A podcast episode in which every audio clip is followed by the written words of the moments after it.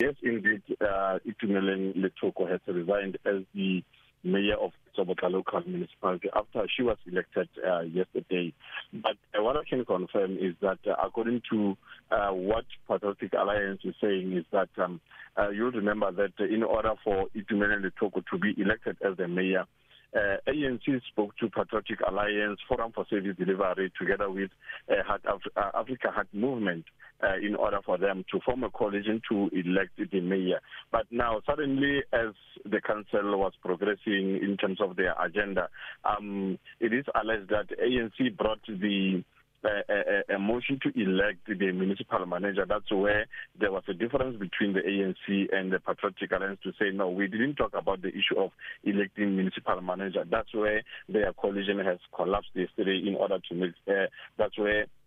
the uh, uh, uh, uh, mayor uh, Itumelele Thoko resigned because there was no consensus as to who's going to be the uh, uh, uh municipal manager of the Jobotla now the Patriotic Alliance was saying that uh, um this is the old tricks that the the ANC is using when it forms coalition with uh, uh, other parties now they are saying that uh, they are not going to uh, to continue further uh, engaging with the ANC in order to form a coalition in that uh, municipality but we've we've spoken to uh, Uh, uh, opposition other opposition parties within the council where they are saying that they were not happy about what what uh, really transpired uh, yesterday after the, the mayor has resigned but uh, on the other hand the EFF is saying that uh, uh, even if they can go and elect uh, they can have a special council to elect the uh, may, um, the new mayor they are not going to uh, talk to any other party DA also is saying um the same thing that uh, they are not going to talk to any any other party but people on the ground are saying that some of them they are saying that uh,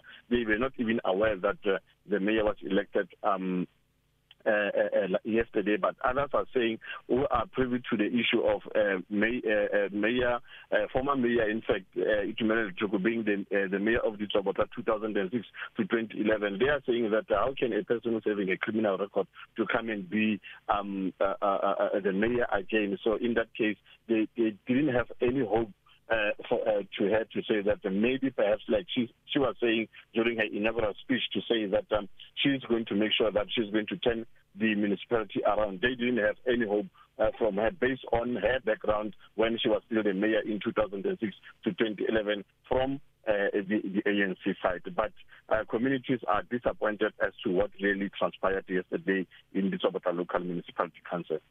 So Zemlon, what's the state of play right now? What is likely to transpire given uh, what's uh, been going on behind the scenes as you said uh, the EFF saying they're not talking to anyone uh, DA uh, not wanting to talk to anyone else uh, the Patriotic Alliance saying that they will be open to talks with other parties so as things stand right now where to from here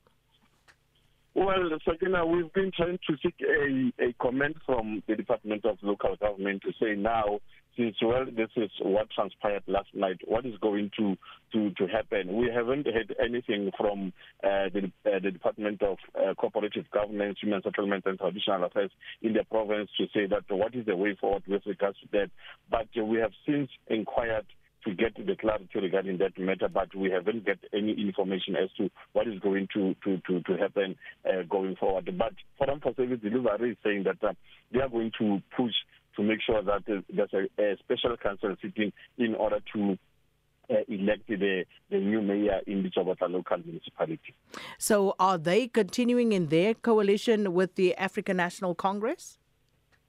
according to their, their, their president Mbahari Kekana, yes, they are, continu- they are going to continue to engage with with the ANC in order to uh, form a coalition. You'll remember that uh, uh, uh, uh, ANC did not get a outright majority. Mm. In fact, no party got an outright majority in this municipality. That means this is one of the the hung municipality, like we're talking about Lekwateman and we're talking about uh, JB Max. Those are the municipalities that are are uh, hanging municipalities where there's a coalition. So they are saying that they are going to continue to, uh, to talk to uh, ANC in order to make sure that they, they elect a, a new mayor. But we'll see what is going to happen going forward with regards to the issue of uh, uh, electing the, the the new mayor. But so surely we'll, they we'll hear, uh, when they elected well, well that mayor from the ANC, from the Forum for Civil Service Delivery, or whatever party that the ANC will engage with. Uh, but the numbers are not in their favor. They actually do need those two seats from the Patriotic Alliance. Uh, mm-hmm. But uh, uh, that aside, a very quick one.